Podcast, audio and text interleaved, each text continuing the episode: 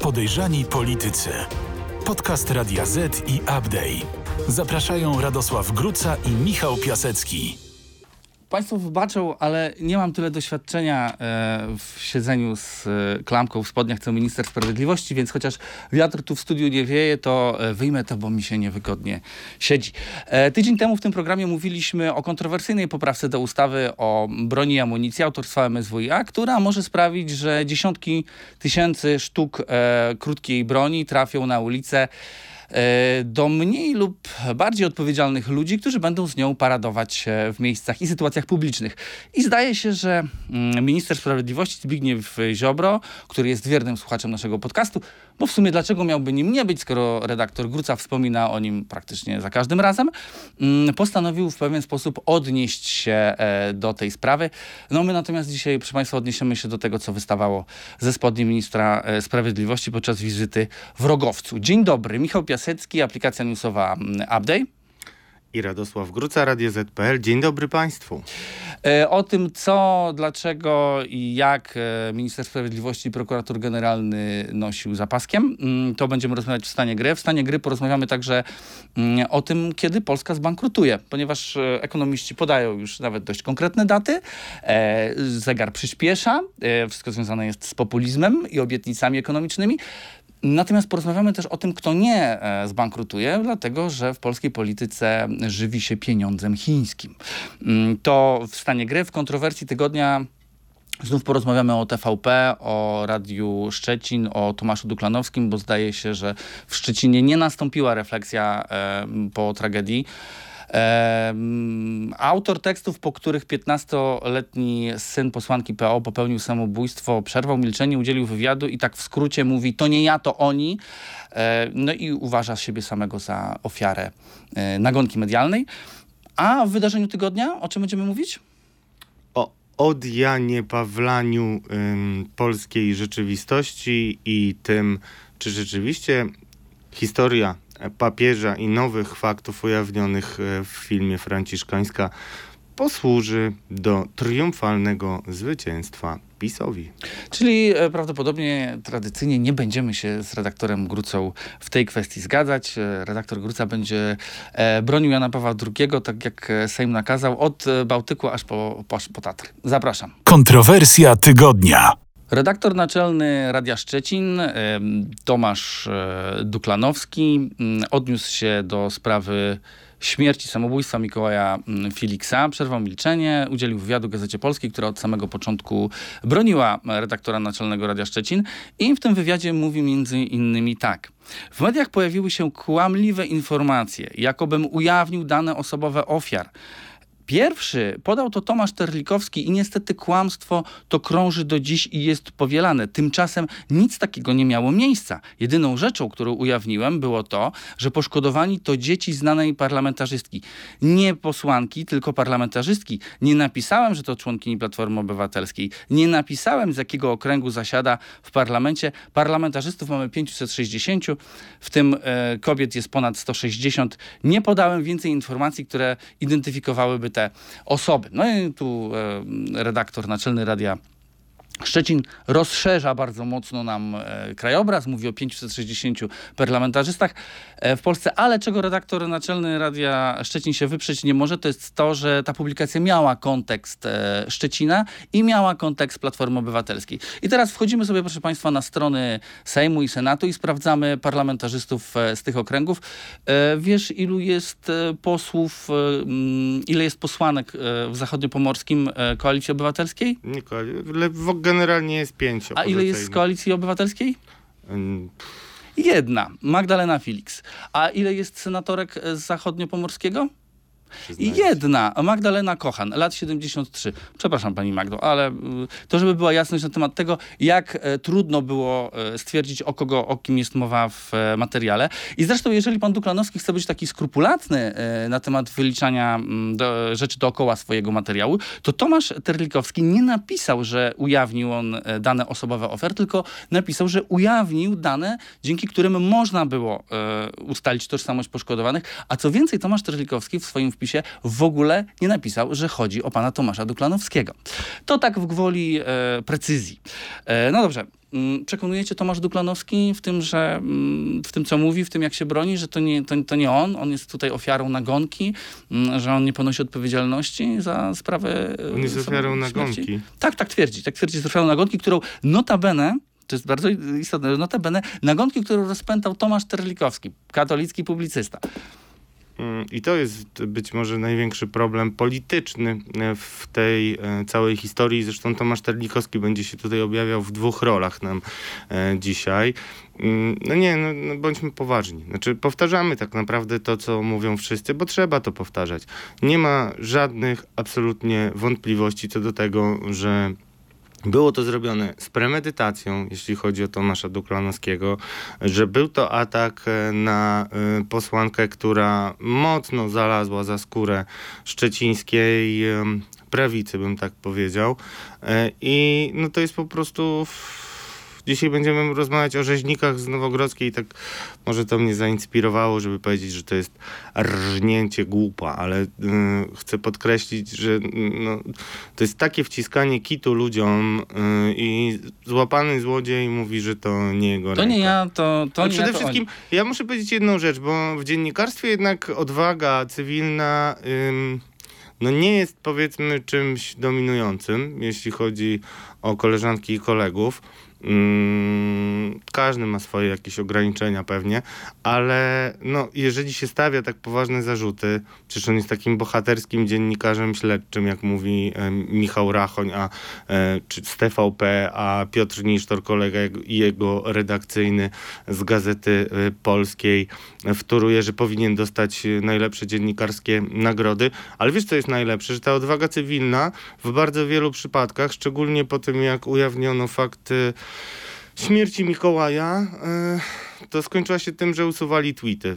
Wiesz, ja, jakby ja cenię ludzi, którzy nie są hipokrytami.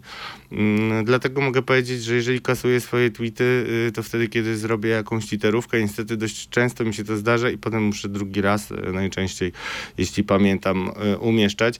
A ci wszyscy szczekacze, tacy twardzi zawodnicy, kiedy przychodzi co do czego, to nawet trudno jest ich pozwać, bo oni najpierw narobią ci wielkich problemów, obrażą, zrobią y, początek fali y, rozmaitych hejtów, a potem sobie y, kasują te tweety i Tak, udają, ale że nie proszę ma problemu. pamiętać o tym, że tweety nie płoną, jak e, mówi parafraza pewnego powiedzenia. E, I można do tego wszystkiego wrócić. E, mm, w internecie nic nie ginie. Dobrze, ale poruszyłeś dwie kwestie i akurat o obie chciałem cię zapytać. Zacznijmy od tej, e, nie od tej pierwszej, czyli od nagonki na mm, posłankę Platformy Obywatelskiej, tylko od tej drugiej. E, mówiłeś o szczekaczach z telewizji publicznej, brzydko powiedziałeś. Jaką narrację teraz e, przyjmuje telewizja publiczna TVP? Bo y, tam refleksja jednak chyba nie nastąpiła i dość szybko e, media publiczne przeszły do ofensywy. E, jaka jest narracja? Kto odpowiada za śmierć Mikołaja? Znaczy, no, odpowiada pedofil przede wszystkim, jak mówi między innymi pani posłanka Joanna Borowiak. E, no i tyle. No i Platforma Obywatelska, która mm, tolerowała to w swoich szeregach. Andrzej Zybertowicz, profesor, doradca prezydenta, pozwolił sobie też sugerować, że odpowiada za to mama. Nie wiem, jak e, może pan patrzeć w lustro, panie profesorze, po tym wszystkim, e, no bo trudno chyba o bardziej po pierwsze, trudno większą tragedię niż przeżyć własne dziecko. Zawsze to powtarzałem. E, Zresztą sam miałem takie doświadczenia. Mojemu ojcu zmarł syn i widziałem to na własne oczy, jak to boli i to po prostu zmarł z powodu choroby. No, nikomu tego nie życzę i, i jestem głęboko zniesmaczony e, tym wszystkim, bo nie ulega wątpliwości, że to, co się stało, miało związek z hejtem i nie ulega wątpliwości, że chociażby w tym tygodniu mamy e, śledztwo w sprawie zabójstwa Pawła Adamowicza i wielu dziennikarzy pisało o tym, że miało e, decyzja mordercy mogła mieć związek z falą e, negatywnych publikacji o Pawle Adamowiczu, zmarłym prezydencie Gdańska. E, Były nawet procesy, które wytaczano e, tym dziennikarzom, wygrane. W związku z tym, że to jest opinia dopuszczalna, a w moim głębokim przekonaniu po prostu najlepiej odzwierciedlająca to, co się dzieje. Ym, Strasznie przykre jest to, że telewizja publiczna, y, dotowana z naszych pieniędzy, z naszych podatków, no najpierw nie umie stanąć w prawdzie, potem idzie w absolutne zaparcia, a e, na koniec wszystko e, przykrywa zalewem pff, takich występów mających na celu obronę Jana Pawła II, łącznie z chowaniem się za. Takie mam wrażenie, chowaniem się za jego zdjęciem Dobra, przez to poczekaj, poczekaj z Janem Pawłem II, bo o tym będziemy rozmawiali w, w No ale to wydarzeniu. jest, ale wiesz, że to jest istotne, dlatego że widać wyraźnie, że po tym pierwszym przerażeniu, które było, bo było ewidentnie przerażenie i dziękuję Bogu, że mamy kilka przynajmniej sygnałów, że wielu jest ludzi w mediach publicznych, którzy się po prostu z tym nie zgadza. I zarówno ludzie, którzy pracują w Radiu Szczecin, jak i y, w mediach y, publicznych mogą, mm, mogą później zdobyć się na odwagę cywilną, żeby powiedzieć, w jaki sposób sterowano A przekazem. to już o tym mówiłeś kiedyś, e, tylko że w No kontekście się dzieje. spółek Skarbu Państwa i innych tego typu instytucji oraz służb typu CBA, w których narasta e, frustracja osób, które mm, mogą być za jakiś czas gotowe opowiadać o tym, co musiały przechodzić, e, trzymając się linii, która została im narzucona. Ale poczekaj teraz, bo a propos linii, to Newsweek i Gazeta Wyborcza, to żeby była jasność, e, to są też media, które są, one są na wojnie e, i one są w, na okopanych pozycjach po określonej stronie, więc to nie, Nie, to są media nie oszukuj- niezależne. nie oszukujmy, nie oszukujmy się. niezależne. Są to media, które są po określonej stronie w tym sporze politycznym. E, no i Newsweek, a także e, poniedziałkowa Gazeta Wyborcza piszą o tym, e, że sprawa ze Szczecina, sprawa Magdaleny Felix, to była kwestia zemsty. To była zaplanowana, z premedytacją wykonana zemsta. E, tu przypomnę, okładka Newsweeka jest bardzo wymowna. Mm, Jest na niej Jarosław Kaczyński, który trzyma na smyczy, chociaż tam liczba smyczy mi się nie zgadza na tej okładce z liczbą psów. E, e, trzyma psy, które mają etykietki poszczególnych mediów publicznych, bądź mediów bardzo prorządowych, prywatnych. No dobrze, ale tu jest, pojawia się taki motyw, że to jest zemsta, że to było wykonanie pewnego zamówienia politycznego mm, na posłance PO. Znaczy, w sądzie bardzo często, kiedy y, sędziowie wydają wyroki, mówią o tym, co wynika z tak zwanego doświadczenia życiowego. A z doświadczenia życiowego z tą koalicją wynika, że takie zemsty są czymś y, w zasadzie permanentnym. Znaczy, jeżeli ktoś, znaczy trudno na przykład bardziej wymowny przykład niż Krzysztof Brejza. Pan senator Brejza, który ba- najbardziej skaleczył e, PiS ze wszystkich polityków po tym, jak ujawnił fakt e, podwójnych pensji de facto w rządzie Beaty Szydło. Stał się zupełnie e, num- numer, wrogiem numer jeden. Zaczęły się mm, ataki na niego masowe, manipulacje ordynarne materiałem pozyskanym za pomocą Pegasusa. Przypomnę, że TVP manipulowało mm, SMS-ami, między innymi mieszając SMS-y, które w ogóle nie należały do Krzysztofa Brejzy, bo taka była ładniejsza narracja. I takich przykładów y, jest y, dużo, dużo więcej. Jeżeli ktoś zaatakuje PiS i zrobi to szczególnie to jest moje zdanie, szczególnie jeśli zrobi to celnie, to jest totalne odwracanie narracji i totalny y, atak y, i hejt. No i Dobrze, tak ale wróćmy do wyglądało. Magdaleny Felix. E, Za co tutaj No była miała, zemsta. No, Za co miała być ta zemsta? Znaczy, ja powiem szczerze, byłem sceptyczny co do y, tej koncepcji, która robi wielką karierę w mediach społecznościowych, które obserwuję przynajmniej.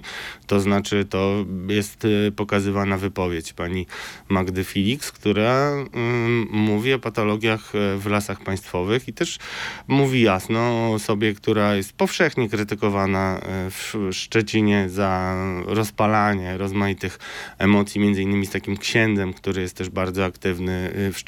Oni tam. O kogo chodzi? Ech, Przepraszam, nie będę pamiętał nazwiska ani robił reklamy mm, temu księdzu.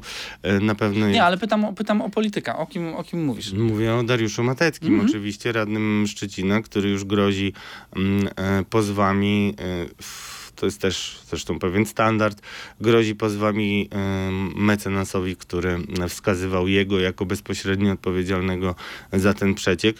I znowu będę tutaj mm, krytyczny w stosunku do tego typu wystąpień, bo ja mam wrażenie, że ci, którzy nie mają dowodów, jednak powinni y, bardzo wstrzemięźliwie reagować, a nie tylko myśleć sobie, a palnę, napiszę, ćwierknę, a potem przecież do wyborów pół roku to nie zdążą. Okej, okay, ale mówisz, że jesteś sceptyczny wobec, e, wobec tej narracji o tym, że e, była to Jestem... zemsta za ujawnienie, że Dariusz Matycki e, dostał fuchę, tak to nazwijmy, w lasach państwowych, tak? Znaczy jestem, znaczy, nie wydaje, nie, nie, jestem sceptyczny przede wszystkim co do takiego pokazywania palcem, bo jest to strasznie trudne, no wiadomo, znaczy jeśli chodzi o podanie źródła e, przecieku, a to, że pan Matecki e, systematycznie koordynuje hordę e, rozmaitych e, troli w internecie, jest liderem przynajmniej kilku grup, które mają na celu obronę chrześcijan i tak dalej, i tak dalej.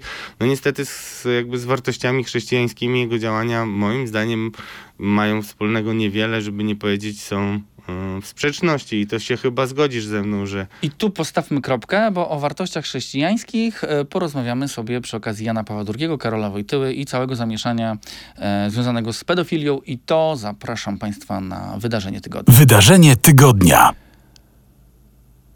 Film Franciszkańska 3 Marcina Gutowskiego, który mm, nie tylko zarzuca Janowi Pawłowi II, Karolowi Wojtyle, że miał wiedzę na temat pedofilii, ale także, że ją ukrywał, będąc metropolitą e, krakowskim, wywołał takie poruszenie, że sprawę komentował już nie tylko episkopat, ale także premier, prezydent, e, ambasador USA został w tej sprawie wezwany na dywanik do MSZ, a koniec końców do e, wszystkiego odniósł się także nawet papież Franciszek. E, natomiast polski Sejm przyjął uchwałę o obronie dobrego imienia Jana Pawła II, jak wspomniałem, od Bałtyku aż po Tatry to jest tak szeroki temat, że mm, moglibyśmy cały program i to nadchodzi ten czas. Nadchodzi ten czas, kiedy, to jeszcze nie jest dziś, ale kiedy cały program poświęcimy kwestii kościoła, mm, bo my się z redaktorem Grucą tutaj zazwyczaj nie zgadzamy. Natomiast dzisiaj e, chciałbym cię zapytać, Radek, o to, kto cieszy się z tego, mm, z tego całego zamieszania, z tej awantury dookoła Korola Wojtyły? Czy cieszą się liberałowie, którym zawsze jest nie po drodze i których zawsze drażnił e, polski kościół? Czy cieszą się z tego konserwatywni politycy? Mm, zawsze i nigdy powinniśmy sobie wykreślić. No ale widzisz, to zadaję ci pytanie, żebyś mógł rozwinąć skrzydła. To może zacznijmy od tego, żeby uporządkować tę dyskusję. Wymieniłeś kilka instytucji, które zabrały głos, e, zajęły stanowisko i może idźmy od góry w dół. Co jest ważniejsze, Sejm czy papież? Jeśli Zależy, chodzi... kogo pytasz. A, no, no okej. Okay. No jeżeli chodzi o Kościół katolicki, to y, nie kwestia pytania, tylko papież. Co powiedział papież? Zacznijmy od końca, bo ty Papież wiesz. powiedział, trzeba cofnąć się w czasie. Anachronizm zawsze czyni zło. W tamtym czasie wszystko było tuszowane, aż do skandalu w Bostonie. Kiedy wybuchł skandal bostoński, Kościół zaczął przyglądać się temu problemowi. Kawałek dalej papież mówi tak. E, Kościół też tak robił żeby zakryć, wyciszyć. Czasami nie było innego wyjścia, jak tylko rozwiązać problem definitywnie, ale to oznaczało mm, wysłanie tego gdzieś indziej. Innymi słowy, epokę trzeba czytać z hermeneutyką danego czasu. Mm, ja pamiętam taki fragment, że to było y, powszechne w tamtych latach. Y, tego akurat chyba nie przytoczyłeś, że tak się nie, po no, prostu... No, w te, wszystko było tuszowane. Wszystko było tuszowane. No i wszystko na ten temat. Co tutaj mamy więcej powiedzieć? Znaczy papież Franciszek pokazuje bardzo jasno swoją wypowiedzią, że y, dyskusje na ten temat po pierwsze w zasadzie są rozstrzygnięte, bo jeżeli głowa kościoła, czyli ten człowiek, który ma dostęp do archiwów, ten człowiek, który był w tym kościele od wielu, wielu lat. Ostatnio była rocznica jego wstąpienia e, na stolicę apostolską. Dziesiąta. Dziesiąta. E, I, I zobacz, nikogo to nie obchodzi w Polsce. Znaczy, jak my poszliśmy daleko, naprawdę moim zdaniem, e, ja nie chcę, żeby Państwo łapali mnie za słówka, ale my jesteśmy de facto w takim procesie schizmy e, polskiego kościoła, który stał się zakładnikiem polityków, który nie potrafi zła nazywać złem, który osłabł tak dramatycznie y, przez te lata rządów PiS, że o ile jeszcze w pierwszej kadencji głos Kościoła był bardzo istotny y, do tego stopnia, że trudno było jednoznacznie y, krytykować na przykład kwestię przyjęcia uchodźców, za którymi opowiadał się papież Franciszek, a dzisiaj każdy ma to w nosie. I to jest z jednej strony niesamowite, a z drugiej strony po prostu no bardzo smutne. Myślę, że też dla wielu ludzi, którzy autentycznie podchodzą do tego, co jest napisane w dekalogu, co jest napisane w Nowym Testamencie. Tutaj zatrzymamy się na chwilę, ponieważ ja bym chciał zrobić taki mały przypis e, do tego, co powiedział papież. Znaczy, ja nie, nie chcę źle zabrzmieć, w sensie, że ja mówiłem to pierwszy, bo to, bo to nie tak, ale też zwracałem na to uwagę w którymś z naszych podcastów wcześniej o tym, e, że Jana Pawła II i Karola Wojtyłę trzeba czytać przez pryzmat czasów, w których on funkcjonował. Misiu kolorowe tak? oglądałeś Franciszkańską 3? Tak, oglądałem. Mm, natomiast wiesz, co, to, co jest, to, co jest najważniejsze, to jest. Ja, I chyba ja ci oba o tym mówiłem kiedyś. Podałem ci taki przykład. Zobacz, w Stanach Zjednoczonych. Mm, w niektórych stanach, w których dzisiaj odbywają się parady równości, i to nie chodzi o to, czy, jest, czy to dobrze, czy to źle, absolutnie nie. W stanach, w których dzisiaj odbywają się parady równości, w których są wprowadzone parytety dotyczące homoseksualistów czy mniejszości seksualnych w władzach miast i tak dalej. W tych samych Stanach 50 lat temu dochodziło do publicznych linczów na homoseksualistach i one były akceptowane. Tak? W skali 50 lat zobacz, jak bardzo zmieniło się postrzeganie e, homoseksualistów. Ja, i teraz już uwaga, można mnie nienawidzić, pochodzę z rodziny, e, w której e, są głębokie tradycje myśliwskie wcale nie 50 lat temu, a jeszcze kilka lat temu mówiło się o tym, że myśliwy poluje. Dzisiaj w mediach pisze się o tym, że myśliwy zabija albo nawet morduje e, zwierzęta. E, I zobacz, chodzi tylko i wyłącznie o to, jak zmienia się optyka. Tak? W latach, kiedy Jan Paweł II, e, kiedy Karol Wojtyła był metropolitą krakowskim, Kościół miał inną optykę postrzegania pedofilii. Czy ona była dobra, czy zła, to, to nie, nie o to tylko chodzi. Kościół, tak? ale to nie tylko Kościół. Generalnie, e, wiesz, e, osobą, która zainicjowała w ogóle dyskusję e, i przerwała, moim zdaniem, tabu, jakim było mm, postępowanie Kościoła w sytuacji pedofilii i przestępstw seksualnych, bo to nie zawsze pedofilia, był pan Wincenty Szymański, który mieszka w Kanadzie i założył coś takiego, co nazywało się Ruch Ofiar Księży. I on był sam molestowany, znaczy nie był molestowany, no ale był skrzywdzony przez jednego z księży. Mm, to była parafia e, w Zakroczymiu bodajże. Ja nawet tam byłem na tej parafii później, e, robiąc research do mm, mojej książki. I on opowiadał o tym, jak do tego doszło i to był koniec lat 70., początek 80., kiedy ten ksiądz, który się tam pojawił, zaczął dziwnie się zachowywać w stosunku do dzieci. I wtedy nie było e, jakby kwestii, czy on jest gejem, czy jest pedofilem, bo wszystko to byli pederaści, zboczeńcy i tak dalej. A, I, trzeba tutaj... o tym powiedzieć, bo to jest bardzo ważne. I tu nie chodzi o usprawiedliwianie kogokolwiek, bo tak. zło zawsze pozostaje złem, pedofilia zawsze będzie pedofilią. Natomiast i tutaj powołam się na I jeszcze jedna rzecz. Isakowicza Zalewskiego, który okay. bardzo fajnie mówił w RMF-ie o tym, że e, on w tych filmach, w ty, w, czy w książce e, Eke Overbecka, czy, e, czy w filmach Gutowskiego, on nie widzi, żeby tam było coś więcej niż to, co on wie o Kościele, z lat 70., wtedy, kiedy Kościół w taki sposób funkcjonował. I nie możemy przykładać dzisiejszej miary, dzisiejszego rozumienia e, e, pedofilii w Kościele do oceny tamtych decyzji. Oczywiście, że ta ocena wyjdzie wtedy nam e, negatywnie, tak? I e, cały czas mówię, pedofilia pozostaje, e, pozostaje pedofilią. Natomiast jak na tamte lata, kiedy, i tu Isakowicz-Zaleski mówi bardzo fajnie, owszem, Kościół źle robił, bo wtedy skupiał się na, nie na ofierze. Dziś zaczyna się wreszcie skupiać na ofierze, a wtedy skupiał się na sprawcy, na jego nawróceniu, na jego zmianie. To też zresztą widać w tych dokumentach, które, które podpisywał Karol Wojtyła mm, dotyczącą tych księży, o których jest, e, między, są między innymi te dokumenty. W każdym razie nie możemy przez pryzmat dzisiejszych wartości, dzisiejszego rozumienia patrzenia na pedofilię oceniać tamtych decyzji, bo po prostu one były wykonywane w innym kanonie. W tamtym kanonie rzeczywiście sprawca był ważniejszy niż ofiara. Uważam, że to źle. Natomiast tak było. Więc y, to jest ten anachronizm, o którym mówi papież. Tylko chciałem te, ten przypis skończyć. To, to prawda, bo inaczej też gdybym nie powiedział o tym anachronizmie, to to by była manipulacja z mojej strony, y, bo dla mnie osobiście ważniejsze jest to, że papież mówi, że po prostu takie sytuacje miały miejsce. Ja jestem jednak przywiązany do y, tego, co mówił Jan Paweł II, że prawda nas wyzwoli i y, też zauważam, że PiS właśnie wyrusza w kampanię i będzie mówił tutaj o I super, wolności. I super, że to powiedziałeś, bo teraz bym chciał, żebyśmy już przestali mówić o, samym, o samej Tak. kwestii tych dokumentów, a zaczęli mówić o tym, ponieważ ten podcast ma taką rolę, aby pokazywać Państwu pewne mechanizmy, którymi mm, kierują się politycy i które rządzą polityką.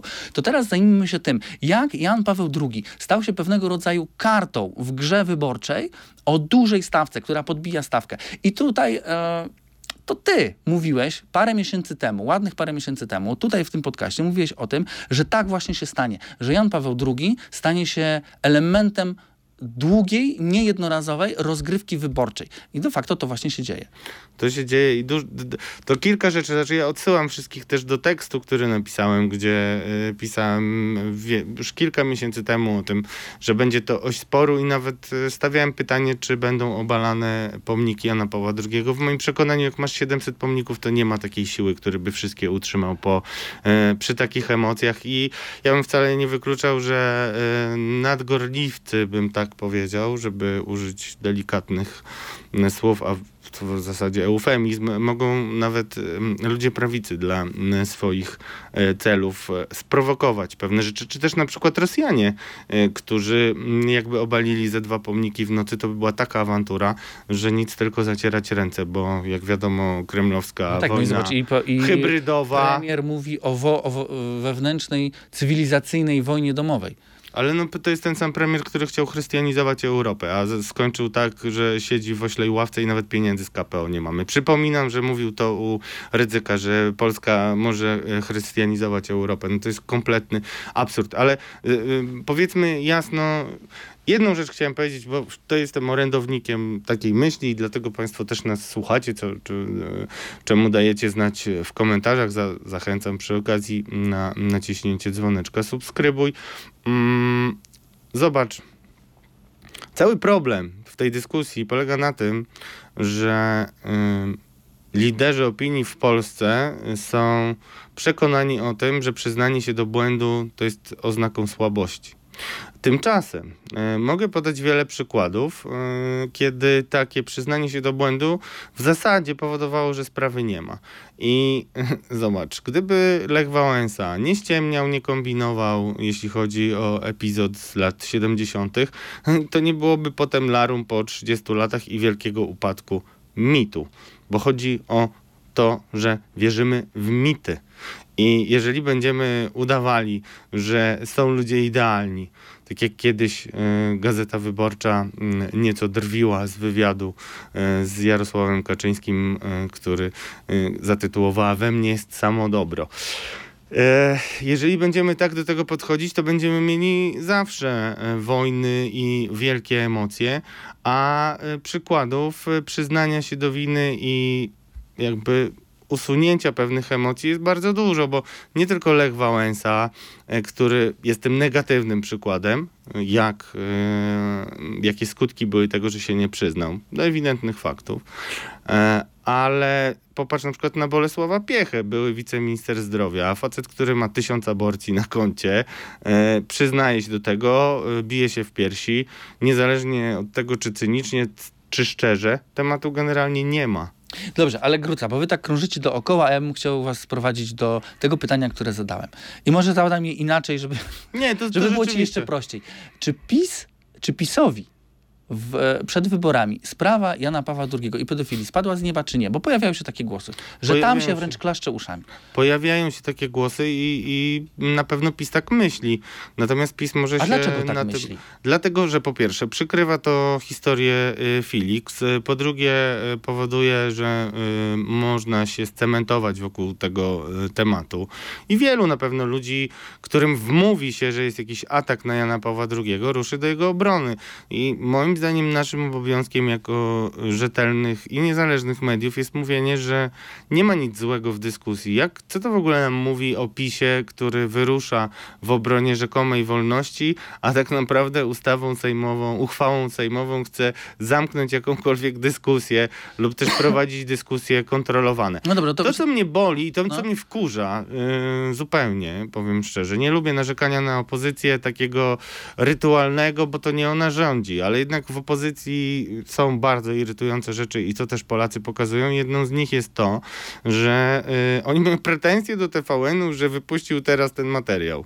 I jak mogli to zrobić i tak dalej, i tak dalej. No ludzie, zrozummy, że to jakby albo mamy wolne media jako wartość i nie będą wolne media się wpisywać w żadne kalendarze wyborcze, albo w ogóle dajmy sobie z tym wszystkim spokój. Czyli e, chcesz powiedzieć, że opozycja, która e, Teraz płaczą. dała, dała się wepchnąć w rolę e, tych, którzy chcą obalać pomniki Jana Pawła II, dzięki szybkiej, szybkiej reakcji PiSu, który stanął w obronie Jana Pawła II, tak? Ale chciałbym Ale ja się z tobą żebyś... nie zgadzam. A, nie zgadzasz się ze mną? Nie, nie zgadzam się z tobą, bo zobacz. yy, Ale nie, jest zgadzasz tak, się w kwestii opozycji, czy w kwestii... Że- się dała wepchnąć już. Nie dała się pierwsze. wepchnąć. Znaczy, po pierwsze, lewica się nie dała wepchnąć, bo dla lewicy to w to jej graj, tak? Bo lewica mówi konsekwentnie od lat to, co mówiła.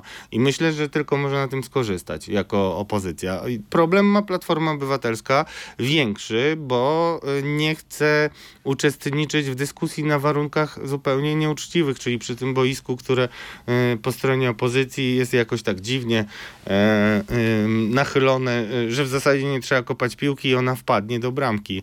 Ja to rozumiem. Jest to trudna sytuacja e, No ale zobacz, dla ale opozycja sama się montuje w taki, e, daje się wpychać No ale w taką człowieku, narrację. nie ma negocjowania zobacz, prawdy uchwałami Sławomir- sejmowymi. Sławomir poczekaj, do, do uchwały sejmowej to zaraz przejdziemy, bo żeby państwo mieli jasność, że ta uchwała sejmowa nic nie oznacza. O, ale dzięki. to za chwilę do tego przejdziemy.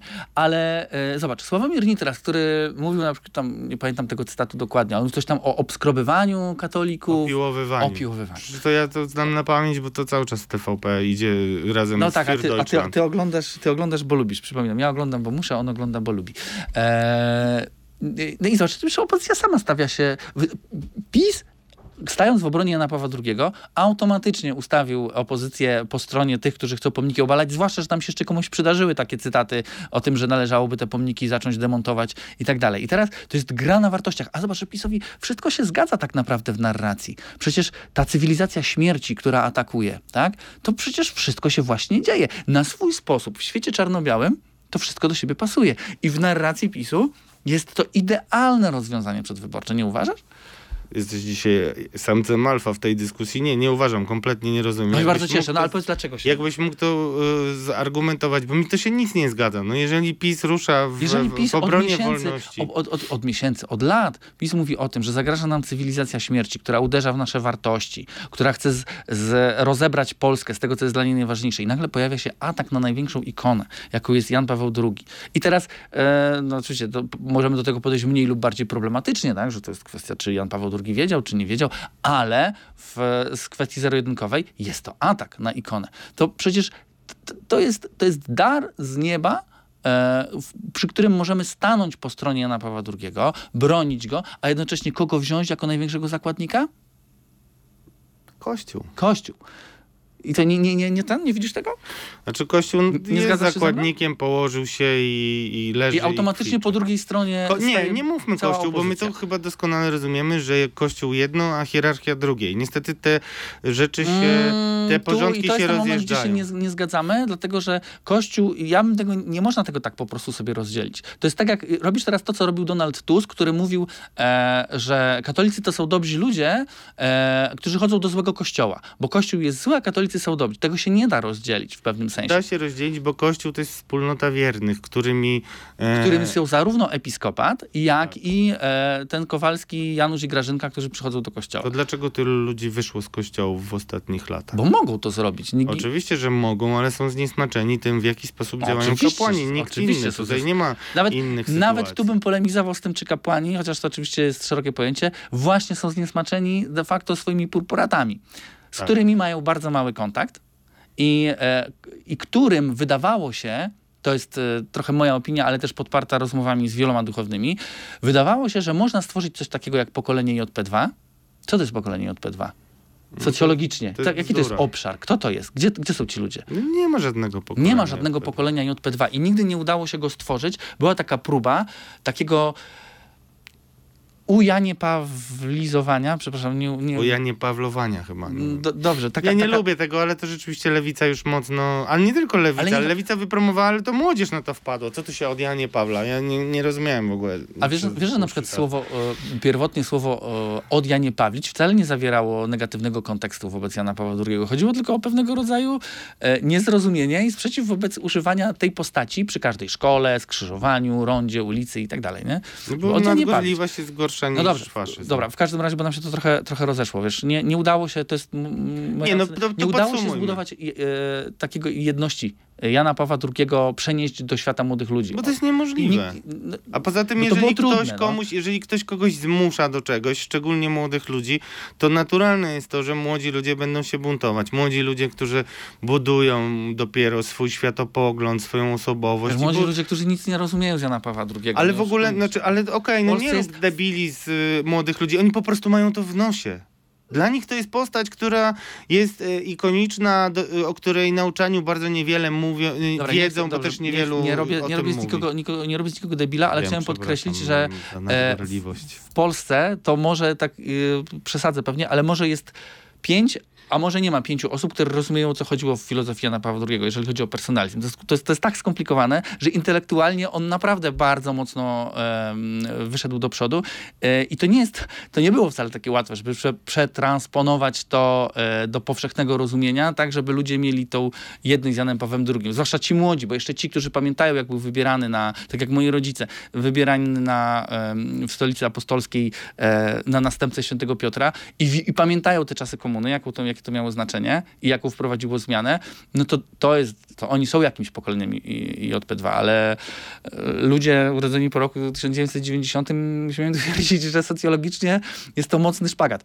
Dobra, ale posłuchaj, chciałbym wrócić do, e, bo rozmawialiśmy o PiSie, rozmawiamy o Janie Pawle II, a o Kościele.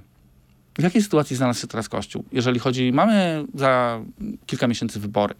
Ale trudno bardziej y, mm, dosadny obraz tego, w jakiej relacji do władzy jest Kościół, niż właśnie ta historia. Zobacz, y, kiedy mm, nie wiem dokładnie, jaka y, była tutaj mm, przestrzeń czasowa między komunikatem Komisji Ep- Episkopatu Polski a PiSem, ale wiem na pewno, że PiS był pierwszy.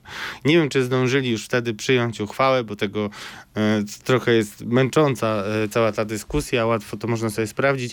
Niemniej jednak widać, że PiS rzucił się do obrony, a co zrobił episkopat? Zwołał komisję. Znaczy to oczywiście nie zwołał żadnej komisji, tylko zastosował taką metodę, no musimy badać dalej. I zobacz, w jakiej sytuacji jest Kościół. Nie może powiedzieć, też znając prawdę moim zdaniem, nie może powiedzieć jasno, że mm, Karol Wojtyła nie ma absolutnie tutaj żadnych grzechów na sumieniu. Ha, e, I idzie w kwestie archiwów, e, które trzeba badać i tak dalej, i tak dalej. Czyli idzie tak naprawdę na kontrze do PiSu, a nikt tego nawet nie zauważa. I słabość episkopatu, Komisji Episkopatu Polski, tych e, hierarchów, mm, no, wychodzi bardzo wyraźnie, na przykład też w takich e, przypadkach, kiedy widzimy, że ci, którzy zostali ukarani nawet przez samego Franciszka, e, czyli arcybiskup Gołębiewski, który ma zakaz celebrowania mszy i tak dalej, i nagle się pojawia. To już są kwestie ego tak naprawdę. Ale to, nie, ale to nie chodzi o kwestię jego. No to Kościół jest y, organizacją hierarchiczną. E, on dostał ego karę. ma bardzo duże znaczenie. No dobrze, no ale to powinniśmy powiedzieć, że oni się stawiają poza kościołem, jakby drwiąc z tego y, zakazu, który został nałożony, a ta ostentacja niestety jest czymś, co się powtarza, bo em, arcybiskup Leszek Sławoj Głódź też gra na nosie i drodzy państwo, myślę, że warto Ale teraz to jest, już... to, to jest emeryt. To już... Tak, emeryt, emeryt sołtys. Ym, wiesz, ja bardzo bym chciał, żeby ym, arcybiskup jeden z drugim, który w ramach pokuty musiał wpłacić ym, pieniądze na fundację pomagającą ofiarom pedofilii w kościele, pokazał przelew. Bo wiecie, ja jestem przekonany, że ci, którzy myślą, że e, choćby mm, kilkadziesiąt tysięcy wpłacili, żeby pomóc ofiarom, mogą się bardzo rozczarować i może to być e, trzycyfrowa, e, no może czterocyfrowa kwota, a nie pięcio. Widzisz, i tu wracamy do kwestii, którą już poruszyłeś, czyli tego, że czasem przyznanie się do winy tak naprawdę zamykałoby sprawę. Ale e, no to się nie wydarzy, śmiem twierdzić. Dobrze, ale bo czas nas goni, a jeszcze jest sprawa tego, co wystawało ministrowi sprawiedliwości ze spodni do omówienia. Tak więc może przejdźmy do stanu gry, a do kwestii kościoła tak czy owak będziemy tu jeszcze wiele razy wracać. Stan gry. Stan gry to ta część naszego podcastu, w której e, staramy się przyjrzeć temu, jak ostatnie wydarzenia wpływają na mm, notowania polityków e, bieżące, e, jak i w krótkiej, jak i w długiej perspektywie. No, ciężko nie mówić o Zbigniewie Ziobrze, który mm, pokazał się z bronią mm, zapaskiem podczas y, składania kwiatów. E, ja, bo ty, ty mówisz czasem, że internety nie rozumieją ironii. E, ja pożyczyłem od syna e, tą zabawkę. Desert Eagle, to taka broń jakby była prawdziwa, to by się ministrowi nie zmieściła zapasek. On miał w kaburze, to Ja- tylko powiedzmy. no, jest. kabura była zapaskiem, tak? Ale y, Sound Light Electric Toy, niestety już nie jest Sound, mm, zepsuło się. Jak ci się podobał widok Zbigniewa Ziobro z bronią? Czy to taki Texas Ranger, Chuck Norris, e, czy, czy to raczej wpadka, czy to było celowe działanie? Wiesz, ja wiem, wiatru nie da się wyreżyserować, ale jednak no, budzi to pewnego rodzaju pytania, czy rzeczywiście minister przez przypadek, czy nie przez przypadek pojawił się z tą bronią. Jestem na tyle stary, żeby pamiętać, że jeszcze niedawno były jakieś zdjęcia y, i ustawki z tabloidami, y, jeśli chodzi o strzelanie przez ministra sprawiedliwości, więc nie jest to pierwszy y, przypadek. Zresztą on twierdzi, że ta broń jest do celów y, sportowych. Tłumaczy się, że nie mógł jej zostawić w samochodzie. Y, Szykując się do programu też rozmawialiśmy z kilkoma ekspertami od broni, którzy nam tłumaczyli, że rzeczywiście nie mógł na przykład oddać Sopowcowi tej broni. Natomiast no warto się zastanowić, jaki to jest sygnał dla społeczeństwa, jeżeli minister e, sprawiedliwości, który ma e, pełną ochronę, e, musi chodzić z bronią. No i, i też nie mówi o tym, że Dobra, jesteśmy, poczekaj, przecież my jesteśmy zobacz, tak To jest minister sprawiedliwości, to jest prokotu, prokurator generalny.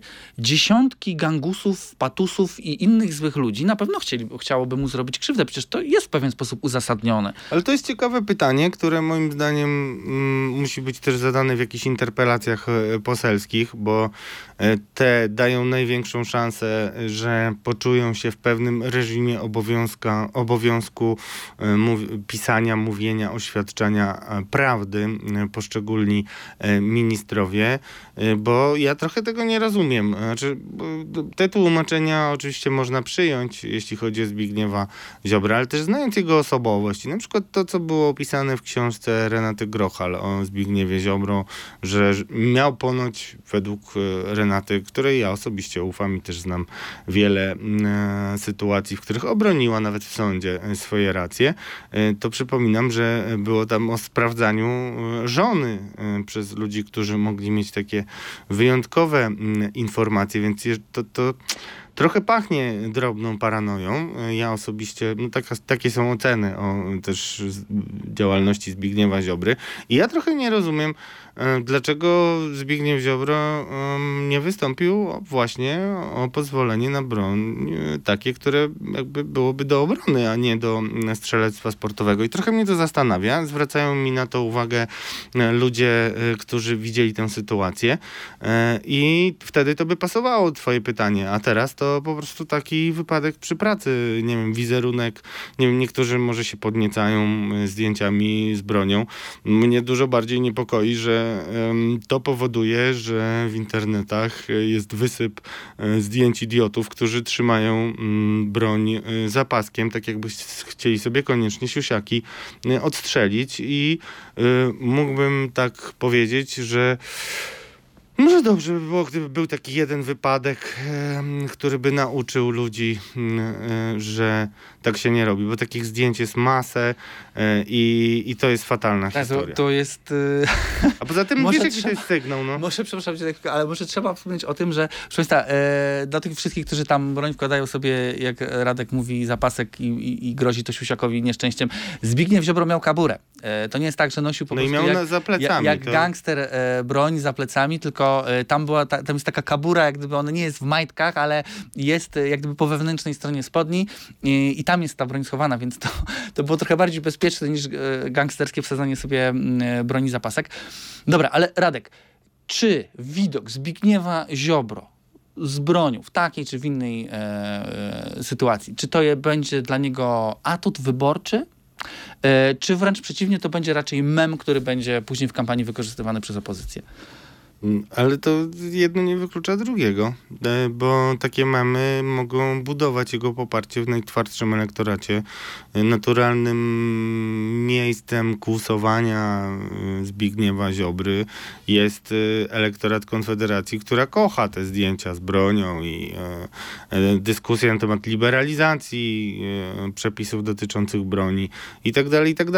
Zbigniew Ziobro nie gra o wyborcze zwycięstwo teraz. On liczy na to, że wygra po tym, jak e, PiS się rozpadnie, czy to w wyniku e, choroby Jarosława Kaczyńskiego, czy walki o sukcesję i wtedy on cały na biało wiedzie i będzie liderem prawicy i też jego relacje z Kościołem i to, jak dużo on może mieć Gdzie jak wpływ. Chuck Norris z, No tak, z on, bronią on w to wierzy. Znaczy Solidarna Polska szykuje się na... ogóle tacy ludzie, prawda, którzy lubią nosić broń, dlatego że im to bardzo poprawia myślenie o samym sobie. No, mówi się też, że to jest kwestia e, związana z... z, z Dobrze, jakąś- stop, stop, dobrze, te, tego już nie, tego nie mówmy, e, tego nie było. Proszę Państwa, to się wytnie. E, dobrze, pójdźmy, pójdźmy dalej, ponieważ okej, zaczęliśmy od tej broni, ale chciałbym, żebyśmy zostali przy Zbigniewie Ziobrze. No właśnie, dyskutujemy o Zbigniewie Ziobrze, a warto też jest po pierwsze powiedzieć, że on jednak pręży muskuły i tak. E, przyszykował sobie swoje szwadrony mm, zwolenników, którzy będą chodzić i nawet są gotowi, e, z tego co słyszę, nawet mentalnie na ewentualność samodzielnego startu, bo to nie jest wcale jeszcze rozstrzygnięte. Te śledztwa na przykład w- sprawach Mejli Dworczyka, ale też e, wiele innych e, powoduje, mm, że Zbigniew Ziobro pręży muskuły. To, co się dzieje w Trybunale Konstytucyjnym, gdzie jest e, Bogdan Święczkowski, który robi zamach na szefową Trybunału, panią prezes Trybunału Julię Przyłębską, panią magister. To, to wszystko są em, jasne sygnały, że Zbigniew Ziobro nie zamierza utopić się, dać się utopić w łyżce wody i, i karnie e, no, zgodzić się na pewnie dobra, ale nie niekorzystne warunki. Nie wszystkie śledztwa mu idą, e, prawda? Znaczy, w moim przekonaniu to nie idzie mu prawie nic. Znaczy, jak ja widzę listę e, po ośmiu latach, listę w TVP Info e, wielkich e, spraw dotyczących e, Platformy Obywatelskiej, gdzie no, trudno nawet znaleźć jakiekolwiek wskazanie i te, ta lista jest chyba, nie wiem, kilkanaście pozycji, to, to, to jest śmiech na sali. No. E, To jest żaden urobek e, prokuratury i to pokazuje absolutne dyletanctwo e, tej ekipy, a być może po prostu to, że kiedy prokuratura służy polityce, to mm, politykom jednej tylko strony i jest używana przeciwko drugiej stronie, no to nie może być wydolna, bo opór materii jest też takim czynnikiem, który mm, no, jest chyba niedostrzegalny, a ludzie, którzy byli doświadczonymi prokuratorami, dość e, mm, często trafiali na najniższe szczeble, żeby zajmować się kradzieżą Słuchaj, rowerów. A jak, e, jak idzie prokuraturze, mm, czy jak idzie Zbigniewowi Ziobrze pilnowanie mm, polityków, także tych opozycyjnych, jeżeli chodzi o ich finansowanie? I pieniądze, które na przykład gdzieś tam dopływają z dalekich Chin nagle do Polski? Znaczy, to, jest y, ważne, żeby o tym powiedzieć, bo tutaj możemy już ujawnić, że e, w kwestii, mm, którą nagłośniło Radio Z, czyli tych przekrętów, podejrzanych e, dotacji, tak bym powiedział, podejrzanych dotacji m, dla dwóch podmiotów na prawie 200 milionów złotych. Z E, NCBR-u, tak? tak, Tam, jest- gdzie jest e, postępowanie CBA. Ale jest też e, obowiązek ochrony kontrwywiadowczej przez e, ABW, bo przynajmniej w teorii NCBIR ma być takim inkubatorem, w którym będą się wykluwać innowacyjne e, pomysły rozmaite i mogą tam być też różne rzeczy, które dla wywiadów obcych państw mogą być ciekawe i atrakcyjne. Zresztą Chińczycy zrobili na tym taki No właśnie. wielki skok cywilizacyjny, że wykradli technologię, więc... Okej, no i, i właśnie ci Chińczycy, Państwa, okazuje się, że ci Chińczycy dość blisko e, kręcą się tego NCBR-u. No, kręcą się, bo e, osoby z kierownictwa, co jest y, w ogóle dość zagadkowe, mm, no, zostały wskazane jako mm, no, podejrzane przynajmniej, tak bym powiedział. Znaczy nie była rekomendacja służb specjalnych, żeby nie obejmowały stanowiska, ale niestety jedna z tych osób już objęła stanowisko. E, I tutaj mm, warto e, przypomnieć e, to, co się stało w ubiegłym tygodniu, czyli dymisję Jacka Żalka i taką wojnę, którą e, prowadzą no tak ochrzczeni przez Adama Bielana, mm, szefa e, partii republikańskiej i europosła e, PiSu w parlamencie europejskim. On nazywa e, ludzi z firmy Five Rand, e, czyli e, Przemysława Wiplera, byłego polityka prawicy m, i Michała Krzymowskiego, byłego dziennikarza Newsweeka i też autora biografii Jarosława Kaczyńskiego, rzeźnikami z Nowogrodzkiej i oskarża ich o to, że to oni razem z Jackiem Żalkiem, mimo że wprost chyba tego jeszcze e, Bielan tak nie nazywa, no chcieli zrobić skok na kasę i Powiem Państwu, że od kilku tygodni mm, e, badam tę kwestię i ja nie jestem w tej grupie, która uważa, że Adam Bielan zostanie e, na tej sprawie jakkolwiek ugodzony. Wręcz jestem przekonany, że Jacek Żalek w tym sparingu bokserskim, mimo że ma w swoim narożniku potężnych i... Mm, brutalnych e, rzeźników, e, to dzisiaj znajduje się e, na deskach i jest liczony i w moim przekonaniu dojdzie do 10. Okej, i Chińczycy tutaj nie pomogą? Chińczycy tutaj tylko zaszkodzą, bo no, trzeba publicznie zadać e, te pytanie po raz e, kolejny i to na to pytanie w moim przekonaniu odpowiedzi mm, zna miasto i znają też przez to służby specjalne, czyli kto jest y, mm, no, wykonawcą PR-owskich interesów mm, Chińczyków, między innymi firmy e, Huawei. E, bo jeśli chodzi o Przemysława e, Wiplera i jego firmę, no to Przemysław Wipler twardo mówi, że nie będzie ujawniał e, informacji o swoich klientach. Natomiast kiedy już pojawią się na stole e, twarde kwity i pytania o to, dla kogo pracuje, na przykład pytanie prokuratury, w której nagle pojawił się Jacek Żalek i mówił bardzo ciekawe rzeczy o stenogramach i o różnych no, zupełnie no, wyglądających na mm, e, mocno niezgodne e, z prawem rozgrywkach e, politycznych w ramach NCBIR-u, no to ten chiński wątek może być trudny chociażby dlatego, że kiedy popatrzy się na śledztwo, które trafiło już do sądu, gdzie sprawa jest utajniona i nie wiadomo tak naprawdę co się dzieje. Piotr D., były oficer ABW, jest na ławie oskarżonych z jednym Chińczykiem z Huawei'a. E, Ta sprawa może dotyczyć bezpieczeństwa państwa, można nawet to zrozumieć, e, dlaczego jest utajniona, ale no, nie ulega wątpliwości, że pan Piotr D. e, miał zarówno relacje z najwyższymi oficerami policji, co jest szczególnie niepokojące, bo e, tam w policji też była próba e, zainstalowania sprzętu e, chińskiego. E, Rzecznik prasowy Mariusz Ciarka skompromitował się wtedy, e, bo powiedział, że no, wprawdzie mamy, mm, e, mamy sprzęt e, od dostawcy chińskiego, ale teraz wszystko jest wyprodukowane w Chinach.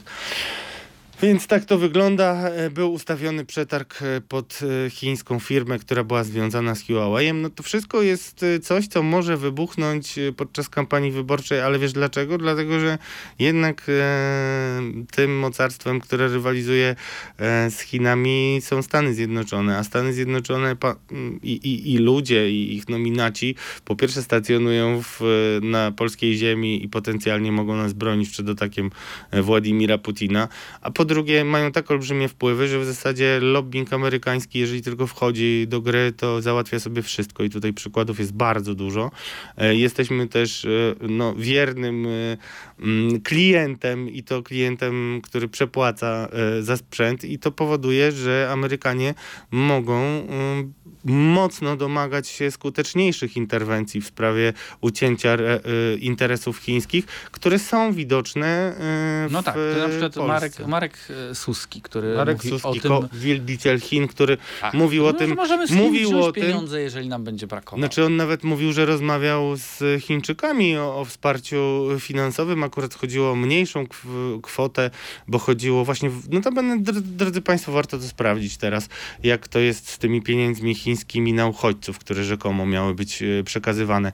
Ale no, Chińczycy e, są nieobecnym tematem e, w mediach, natomiast dziennikarze, którzy e, są znajomymi e, tych ludzi, którzy stworzyli Five Rand, często piszą e, takie teksty, które no, ludzie ze służb, z którymi rozmawiałem, uznają za taką na, za dowód soft power e, Chińczyków i e, artykułowanie ich interesów, e, mm, wprawdzie nie pisząc wprost, ale jednak na koniec dnia na pytanie cui bono, e, na pewnych rozwiązaniach czy problemach, które wskazują publikacje ludzi znajomych m, tejże firmy, mm, no, mm, są uznawane przez służby jako no, mocno prochińskie. No, ja tylko przypomnę, że y, to było już dawno, ale Marek Suski tłumaczył się, że on używa e, telefonu Huawei, bo Robert Lewandowski go reklamuje.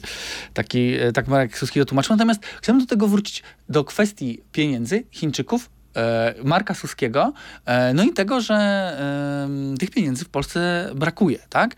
Co jest konsekwencją populistycznego uprawiania polityki i obietnic, coraz większej liczby obietnic po wszystkich stronach, bo jak gdyby tutaj chociażby kredyty mieszkaniowe są dobrym przykładem, że opozycja też twardo licytuje się i Donald Tusk mówiący, jak PiS mówi o kredycie na 2%, to my damy 0% e, kredyt mieszkaniowy. E, I ekonomiści, ekonomiści, na których powołuje się mm, Jacek Ramontowski z Interi, e, mówią, że Polsce realnie, tak jak kiedyś Argentynie, normalnie grozi nam bankructwo nie dziś i nie jutro, ale to przyspieszamy na tej drodze i gdzieś w okolicach 2040-2050 e, roku rzeczywiście Polsce grozi bankructwo ze względu na uprawianą politykę niezwykle ekonomiczno, eko, tak, takiego populizmu e, i rozdawnictwa, bo jak gdyby to jest, to jest przejawem tej, e, tej polityki. I tutaj Marek Suski, czy pieniądze chińskie, mm, to jest rezerwuar, z którego władza byłaby w stanie skorzystać, czy to jest tylko takie straszenie, mówienie o tym, że jak nam Unia nie da, to my pójdziemy do Chińczyków? Trudno ocenić tak naprawdę. Yy, Ale no faktem jest, że mówiono o tym, że były podejmowane pewne rozmowy z Chińczykami. Yy, Wyglądało na to, że to jest próba wywarcia na y, Komisję Europejską presji, żeby jednak no, popatrzyła przez palce na realizację kamieni milowych i, i przy, no, odkręciła kurek z pieniędzmi w ramach Krajowego Planu Odbudowy.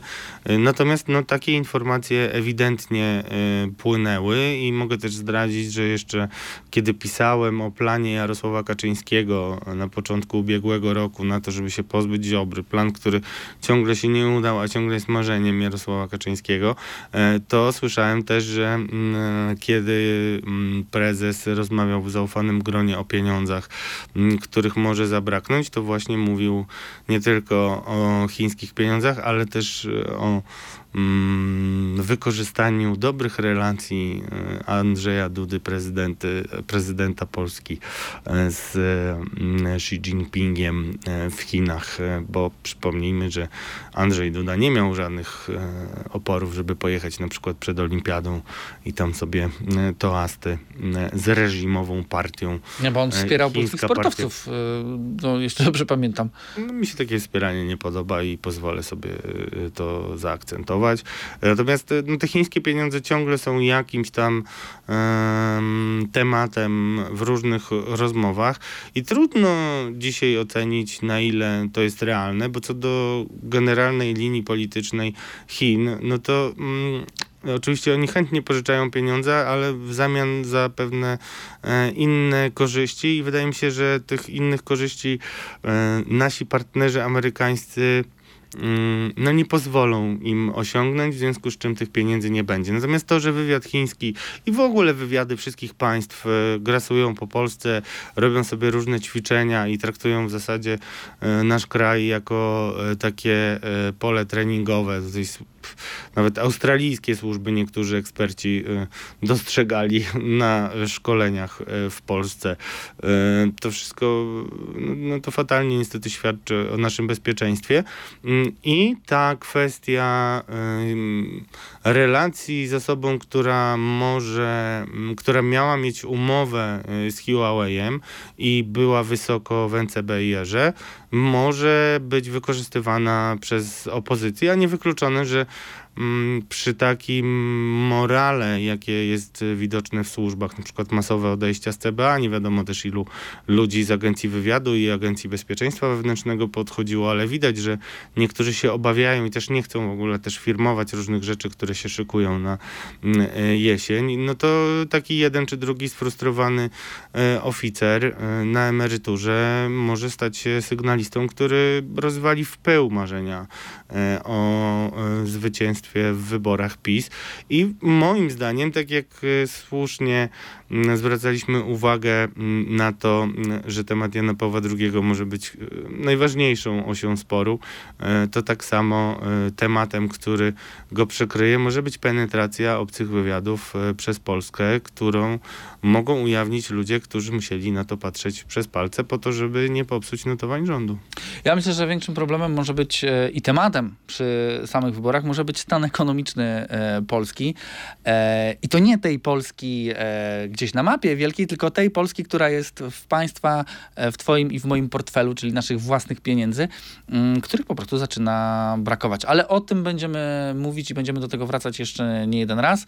Na dzisiaj to wszystko. Żegnamy się z Państwem i zapraszamy mm, tak do subskrybowania, jak i do oglądania następnych naszych i słuchania następnych naszych e, podcastów. Michał Piasecki, aplikacja newsowa Update. Dziękuję. Radosław Gruca, Radio ZPL. Dziękuję Państwu.